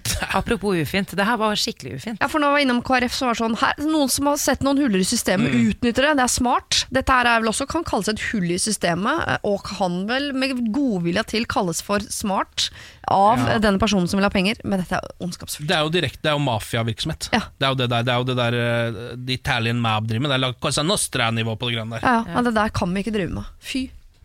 Fy, fy Fy, til Rema 1000. Ehm, nå skal vi eh, ta tak i lokalavisa for denne uka. For første gang, for vi glemte det i går! Jeg vet ikke hva som skjedde, men vi var så ivrige i går at vi Du hadde pregnant brain i går. Jeg hadde Pregnant Brain i går, så vi fikk ikke snakka om eh, lokalavis. eh, men nå skal vi gjøre det, og det er Firdaposten Ja. som har blitt plukka ut denne uka. Det er en tredagersavis, utgis i Florø i Sogn og Fjordane. Um, dekker også Bremanger kommune. Eh, må ikke forveksles med Firda, som er bitte lite grann større. Ja, fordi etter Firda-posten har jeg Ja, hørt om, tenkte jeg, men det er antakeligvis Firda jeg har hørt om. Du har kanskje hørt om Firda, det er litt Ja. større avis. Dette er Firda-posten, det er litt mindre, da. Ja. Her er dagens overskrift. Nest Sotras keepertrener utestengt etter grove Twitter-meldinger. Nest Sotras reservekeeper og keepertrener Erlend Johansen må sone to kampers karantene etter å ha langet ut mot dommere på Twitter. Um, og Så skriver han også liten sjanse for at Oslo-folket hører på en stril, og da uh, peker han på NFF, som jo er liksom sitter nede i gryta her, da så han tror ikke han får noe gehør der borte. Ehm, det handler om en melding som han la ut 30. september, eh, to meldinger, hvor han eh, med det de kaller for svært eh, grov språkbruk beskrev hvordan han følte at dommerne i førstedivisjon jobba mot hans lag Nest Sotra. Da. Og det han skrev var å reise rundt i dette landet og bli pissa på av dere, helg etter helg, har vært en opplevelse. Det holder nå. Ta og Send ut noen dommere med ryggrad neste helg, og kall tilbake sirkusklovnene, var det han sa da. Og Så begynte da Norges Fotballforbund å sammenligne dette med tidligere saker som har vært lignende, eh, blant annet en med Jon Arne Riise, eh, som har eh, klagd på dommerne tidligere, og en Lillestrøm-spiller. Og så sier han da han Johansen sier De har sammenligna den med Riise og Lillestrøm-saken, men jeg har ikke kalt noen spesielle, spesielle dommere noe. Jeg har bare kalt alle ubrukelige. Ja. Så nå, nå Han blir det forskjellsbehandler i hvert fall ikke, da. det Nei. er jo positivt. Ja, han han forskjellsbehandler ikke, i hvert fall ikke. Det er sant. Alle, men er, ikke, er man ikke programforplikta som fotballspiller til å synes at dommeren er idiot? Jo, jeg trodde det var kulturen. Ja, Det er litt kultur, men det er ikke lov å si det. Man skal egentlig bare gå og hate de og baksnakke de bak deres rygg, har jeg skjønt. Du kan jo rope litt og jeg tenker sånn, på Twitter. Det er, hvis man går ut på Twitter. Ja. Det er det som er problemet. Ut med dommeren inn med kua, er lov å si, med mindre du er veganer, da. Ja, men vet ikke om det er lov å tvitre det. Nei, det. skjønner. Det får vi se på. Morgen på Radio 1. Og nå er det på tide med Reality Check, som er eh, spalten hvor jeg prøver å finne et reality-program som kan passe til min litt bedagelige livsførsel og kropp. Ehm, og i dag ja, Vent, vent, vent, jeg kan si det etterpå. Og som Ronny går ut av huset, og Anette føler seg sikkert ikke noe jævlig høy i hatten. And who will be the apprentice? Dette er Paradise Hotel. Kan jeg få lov til å prate I dag så skal vi sjekke om eh, dette programmet kan være noe for meg. Jeg vet ikke om dere kjenner igjen denne vignetten? Nei. Nei, men hører, lyden, hører lyden her. Jeg hører folk som skriker. Eh, Det høres jo nesten ut som en eh, slags skrekkfilm. For dette her er altså det amerikanske konseptet Fear Factor. Husker dere dette programmet? Fear is not a factor to Ja, you. ja, Fear is not a factor to you. Det var da amerikansk reality-program som gikk på NBC fra 2001 til 2006. Og så begynte det å gå igjen fra 2011. eh, Og jeg tror det har begynt på MTV nå. Du skal ikke glemme den norske varianten med Christer Torjussen som programleder. Ja, for det var en eh, norsk variant her også. Eh, den ble spilt inn på Cape, eller Cape Town. Stemmer. For det var ikke lov å holde på med de tingene her, her til lands. Eh, konseptet er jo da at eh, altså folk, deltakerne blitt satt på såkalte ekstreme prøver, hvor de konkurrerer mot eh, sin egen frykt, eller andres frykt, for den saks skyld. Eh, Så det blir ofte sånn drikke eselkøm, eller eh, dykke ned og plukke opp noe greier fra en tank med alligatorer, f.eks. Mm. Eh, eller sånn som denne dama fra, fra amerikanske Fair Factor, som må spise roadkill-innvoller. Eh, men ta en liten sånn disclaimer som det heter rundt dette. Hvis du sitter og spiser noe, eller lett blir litt kvalm, Ja. kanskje ikke dette her er noe å høre på for deg. Bare for å ha sagt det. As soon as I picked up my first handful and put it in my mouth, I wasn't sure if I was going to be able to complete it. It was so stringy and chewy and just beyond disgusting. Come on, kid. Oh, that's a good one. That's like If you were that's starving, if you were starving on a desert island, this would be excellent. You'd be very excited. You got some food, you're gonna stay alive. Think about it that way. Come on, Danelle, you're doing great. Get it in there. Get it in there. Get it in there. Ja, eh, det er programlederen Joe Rogan som står der og prøver å lure dama til å spise roadkill innvoller. Hva har det med frykt Altså Jeg syns Fear Factor var veldig gøy å se på, i hvert fall de ting som var ordentlig sånn skummelt, men de måtte alltid spise noe ekkelt, og det går jo ikke på frykt, føler jeg. Det går bare på at, eh, at ting er ekkelt. Du er jo ikke redd. Nei, kanskje litt, men jeg er, jeg er litt enig. Det er egentlig Ja, det er mer ekkelt enn skrem... Ja, Ja, men det er det segmentet man husker. Det er det Ja. der man husker, Ja. liksom. Ja. Ja, men jeg tror altså, For de som er der, så er det jo på en måte ikke, for Hadde jeg hatt masse sånn drit foran meg som skulle spise, så hadde jeg jo blitt nervøs. Jeg hadde jo blitt sånn, Dette er jeg redd for hva som Altså, hva skjer med kroppen min? Ja, ikke sant? Det er- Når du spiser roadkill. Ja. Eh, vi har jo en sjekkliste vi skal gjennom her. Eh, Ja. Hvor fysisk behagelig er det? Hvor psykisk behagelig er det? Hvor eksotisk eh, premien, og hvordan er sjansen for ligging og kjærlighet? Det er de kriteriene vi har. Det Eh, kommer dårlig ut. Den, når, eh, jeg tenker også det, fordi fysisk behagelig Ikke så veldig, tenker jeg. Nei. Nei. Når du, på en måte, når du står mellom å enten drikke noe apesæd eller å ligge på et bord og bli dekt av skorpioner, ingenting er spesielt fysisk behagelig med noe av det. Nei. Jeg tror nesten det blir én jeg, på én til ti. Ja. Og når det kommer til psykisk behagelig, er det i hvert fall én, hvis ikke dere har noe innspill på det. Ja, innspill på det, fordi jeg tenker at der og da så er det psykisk ubehagelig, men eh, den, å overvinne den frykten går såpass langt utenfor komfortsonen som det å spise innvoller av roadkill er, eller dykke ned i en tank osv. Det kan, altså Etterdønningene kan være såpass gode at jeg syns du skal smyge deg oppover på terningen. Det tror jeg også. Mestringsfølelse. Mestringsfølelsen, ja. Ja, men, men jeg, altså, jeg vet ikke om jeg rent personlig, etter å ha tatt en halvliter med uh, eselblod, f.eks. Ja, ja, ja. Jeg vet ikke om jeg hadde tenkt etterpå Yes, der overvant jeg, nå er jeg for et supermenneske jeg er. Jeg drakk eselblod. Jeg Nei, men- sånn, Fy faen, drakk jeg eselblod, for en idiot jeg er! Skal folk se det? Jo, det er jeg helt enig men de andre oppgavene som handler om uh, ting som er skummelt, dykke ned uh, i en uh, tank Haigrotte. Ja, sånn type ting. Der tror jeg at uh, adrenalinet kan dra deg opp på i hvert fall to ord. Ja, ok, men kan, Jeg kan slå til med en toer, det er greit, det. Mm. Og så eksotisk, da. Nå ble jo riktignok uh, den norske versjonen spilt inn i Cape Town. eh, men man står jo bare på et sånt TV-sett, du får ikke sett Cape Town. Liksom. Du får sett en tank.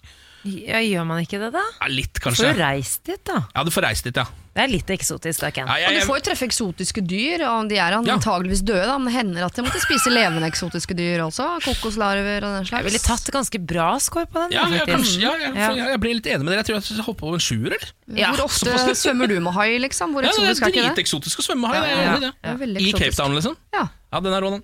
Eh, premien her, jeg vet at den norske versjonen så var premien 75 000 kroner.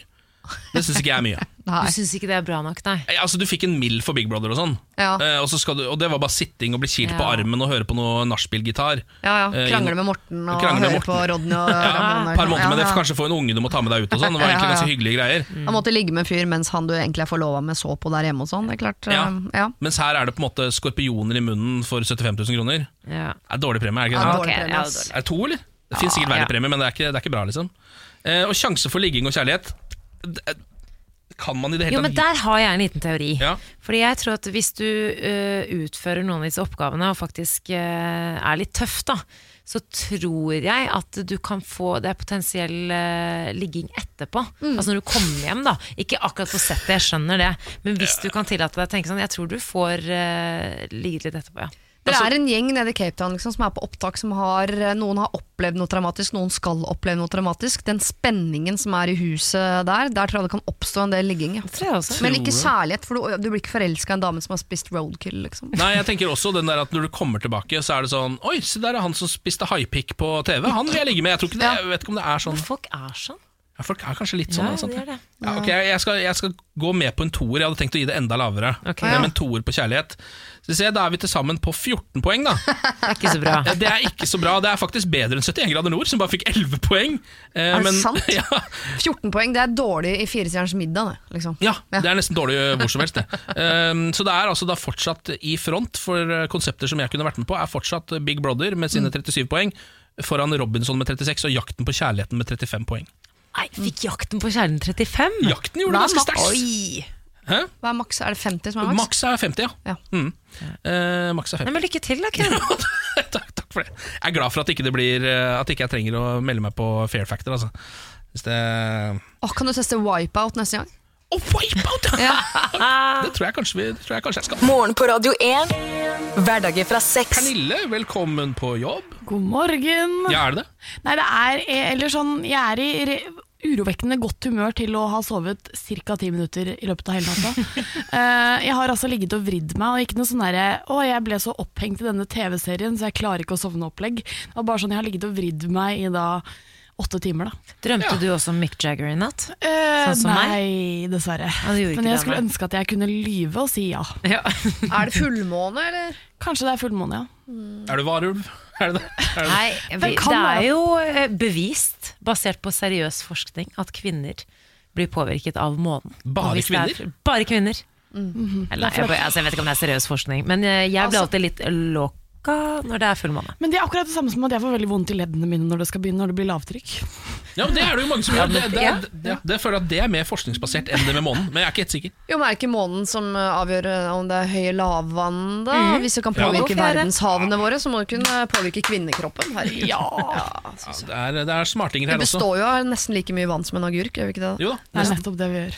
Eh, Men eh, du er jo også eh, folkets fitbit, som vi har kalt deg. Altså den som går da ut og tar pulsen på folk og sjekker hva de mener om ting. Ja. Gjerne da ting som vi har diskutert her i studio. Og nå er vi jo i litt sånn apokalypsemodus om dagen. Pga. all flommen og alt som skjer, så er det litt sånn gå jorda under? Hvordan kommer dette til å gå? Hvordan ser framtiden ut? Eh, Så da spurte vi jo om du kunne sjekke hva folk mener om framtiden. Ja, hva, hvordan ser verden ut om 100 år, har jeg gått ut og spurt. Ja, jeg tror eh, det kan være varmere i, i verden, ja. Jeg tror ikke den ser så annerledes ut ennå. Fullteknologiske hus. Forhåpentligvis bedre. Fjerde, third war. Mye kanskje flyvende biler. Eh, sikkert veldig teknisk og masse som jeg går på automatikk. Du vil se mest sannsynligvis mye av uh, AI. Uh, Det er vel uh, stort sett, si det på enkle, enkle ord, eh, roboter. Eh, Mye, mye ny teknologi. ja. Og nå, Jeg orker ikke å tenke på det. Altså. Det er eh, jeg er i hvert fall så synd på mine etterkommere. Eh, det vet jeg ikke, jeg har ikke tenkt så langt. Jeg tror det ser akkurat likt ut, jeg. Jeg tror enten polene har skifta, så det er kanskje California i Norge, eller istid, det vet vi ikke. Kanskje vi alle er døde. Alt det der miljøgreiene vi gjør nå, som enkeltpersoner, det tror ikke jeg gjør noen stor forskjell. Det er ikke spesielt optimistisk. Nei, det er ikke det. Øh, Men det, var, det er likevel litt sånn gøy å Eller det var, er på en måte et gøy spørsmål, fordi folk har jo eh, generelt sett på linja ikke så gode sånn Altså Hvis jeg skal tenke 100 år, så kan man jo bare være sånn fullstendig la fantasien bare Ja, leve der. Altså sånn, Da lever jeg i en verden hvor alle, alle flyr alle steder de skal, eh, på sånne Ja. eh, elektriske båter som man Eller jeg vet da Ja, søren, men det er sånn jeg ser Litt sånn. Star Wars-verden, liksom. Det er Ja, det jeg, jeg ser for meg. Har dere sett filmen Det femte element? Med Bruce Willis? Ja. Ja, jeg, jeg trodde jo at verden kom til å se ut sånn eh, i dag. Den filmen er kanskje 20 år gammel eller noe. Jeg trodde at det, vi skulle eh, at vi alle skulle liksom kjøre flyvende biler, og Mm. at det var flyvende Mækkern, og at vi kunne liksom fly romskip til Men det har ikke Det det fins jo, flyvende biler, eh, nesten. Så, altså, de, de, mener Gjør at, de, det? ja, de mener at de kan klare å lage det, men, det, men det er ikke eh, Trafikkbildet er jo ikke klart. For at, altså, enten så må alle gå over til flyvende bil. Ja. For Du kan ikke ha én idiot som driver og flyr rundt her mens alle andre kjører på hjul. Det går ikke. Nei, det, det ble liksom, Vi fant ut det etter hvert at det var ikke flyvende biler som var eh, framtiden, selv om vi kan få det til. Skuffende. Mm. Og, men det, var jo, det er jo på en måte Det er noen som er litt realistiske, som om ter- tredje verdenskrig, og han som eh, på sist slutten her som snakker om poler og liksom Ja. sånne type ting. Eh, de, de, de er jo på en måte ganske Jeg vet ikke hva jeg skal si. Spot on. Spot on. Men også han som snakker om AI, eller altså artificial intelligence. Det blir det jo mer av. Det er jo masse roboteknikk der nå som kommer for å hjelpe oss. Som kommer til å ta over for uh, hjelpepleiere, og det er en del sånne ting som kommer til å erstattes av roboter. Det er ikke, det er ikke tull lenger. Sånn er Elon det Musk er livredd. Ja. Han er det. Men eh, Samantha, Jeg regner med at dere har prata litt i dag om at det skal komme en ny, ikke tronarving, men en ny kongelig medlem i den britiske Vi har ikke det ennå. Altså, eh, men det er fordi jeg skal spare det. Jeg har jo en spalte som heter Ukens sladder. Eh, om det skal handle om det. Ja, ikke på sant. torsdag. Fordi det kommer jo en ny kongelig baby i Storbritannia, og Norge får en slags eh, kongelig baby her når du føder ditt barn, fordi det blir jo en, Ja. det blir en skiskytterprins. Harry Hegle? Det blir nettopp en liten skiskytterprins, og nå har jeg en drøm. Eh, Jeg vet ikke, Skal du døpe barnet ditt? Eller? Ja. ikke sant? Fordi at eh, Da foreslår jeg at til den dåpen så starter vi en slags kronerulling.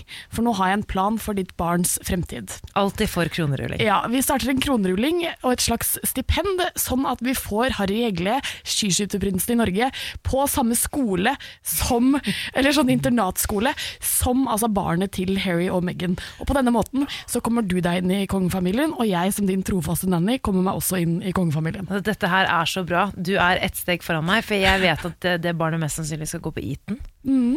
Vi må få barnet mitt inn på Eton. Er Om det vi ikke må. det er smart nok, drit i det. Vi må få et Har du nok stipend, penger, så får du det deg. Et eller annet. Vi skal, vi, skal få han, vi skal få han inn, sånn at uh, du og jeg begge to kan Det er kostskole som gjelder, altså. Ja, kan bli en del av kongefamilien. Så derfor så, Men vi må jo på en måte få, kunne se inn i barnet ditt sitt framtid, og vi vet jo ikke helt hvordan det egentlig er livet på en kostskole.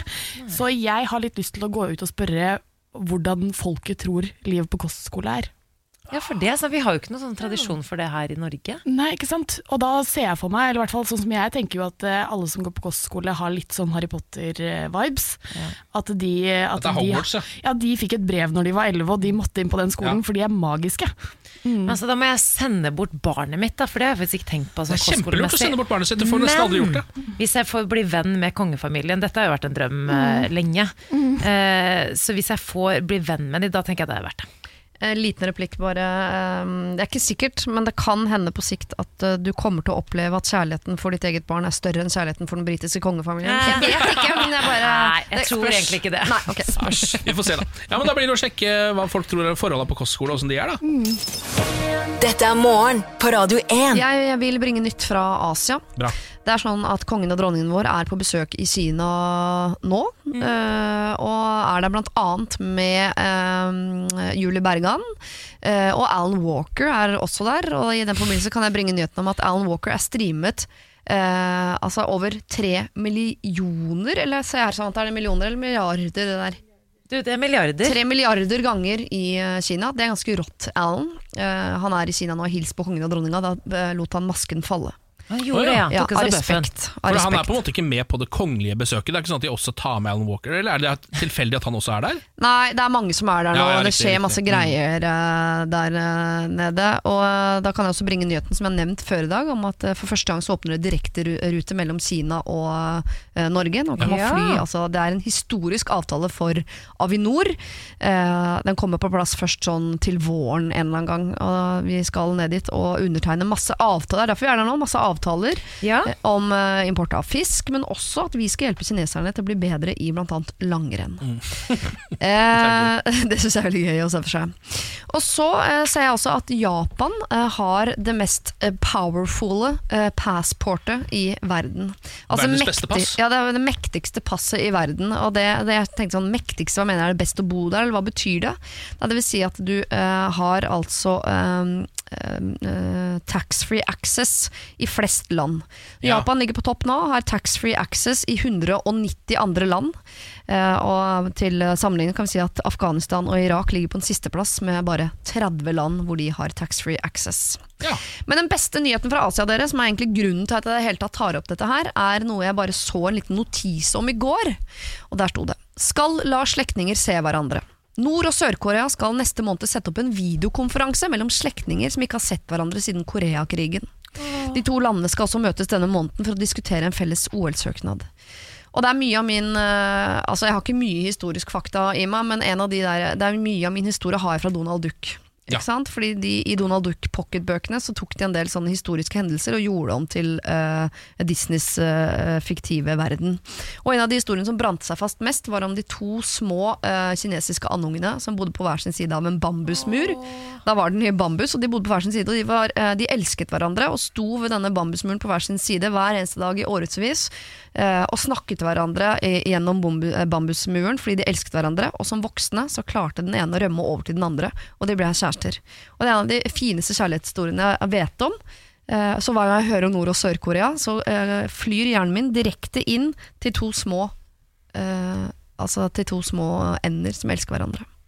Så søtt, og nå skal de faktisk arrangere altså Dette blir jo litt sånn virkelighet, det er bare Ja. at, eh, at eh, ja, nå får du endelig se hverandre. Det er bra ting som foregår i Nord- og Sør-Korea nå, så de snakker sammen mer enn det Bra har gjort greier. eh, på veldig veldig lenge. Det syns jeg er positivt. Det er virkelighetens Donald-pakket. Mm. Det trengte vi, altså. Morgen på Radio 1. Podkasten er nå ferdig. Eh, Har du en pissehistorie på lur, eller Siri? Noe mer pissehistorie? Nei, det tror jeg ikke. Nei, pissa i en container en gang, men glem nå det. jeg kan anbefale alle som eh, Alle som har sånn do på gangen, som er ganske vanlig i noen eh, byer. Hvis man bor på hybel, f.eks., eksempel og så har man ikke toalett inne og har det bare på gangen, eh, så kan det hende man blir litt ufin når det kommer til pissing. Fordi noen ganger er det opptatt der, noen ganger så våkner man kanskje tidlig på morgenen og har vært på fylla, f.eks., Mm. så må du noe voldsomt pisse. Mm. Eh, hvis du først har gått til det steget å gjøre det på flaske, så kan jeg ut fra egen erfaring eh, anbefale Nesti. For den har litt større kork og litt større hull, Ja, så det er det lettere å treffe. ja. Man bom. Det er Driver du med selvskryt nå, eller? Ja. Nei, egentlig ikke. Fordi du kan, hvis du ser for deg en cola colaflaske, Ja, bare strålen er jo nesten Ja. øh, videre enn tuten. Ja. Det er vanskelig å treffe, da. Ja. Det er litt lettere med litt større uh, hull. Eller sånn tissetrakt som fins for oss kvinner. Tissetrakt? Ja, tissetrakt. Aldri prøvd, jeg har veldig lyst til å prøve, faktisk. Det er sånn som man har med seg på tur, f.eks. Eller Ja. sånn hvis man, uh, hvis man skal eh, på en veldig kald tur og Ja. ikke har lyst til å gå ut av teltet. mm. Bruke en liten tissetrakt. Skaff deg tissetrakt hvis dette her er dine forhold, som vi har beskrevet akkurat nå. Ja ja. Nei, var det det, eller? Ja. Ha det. Ha det.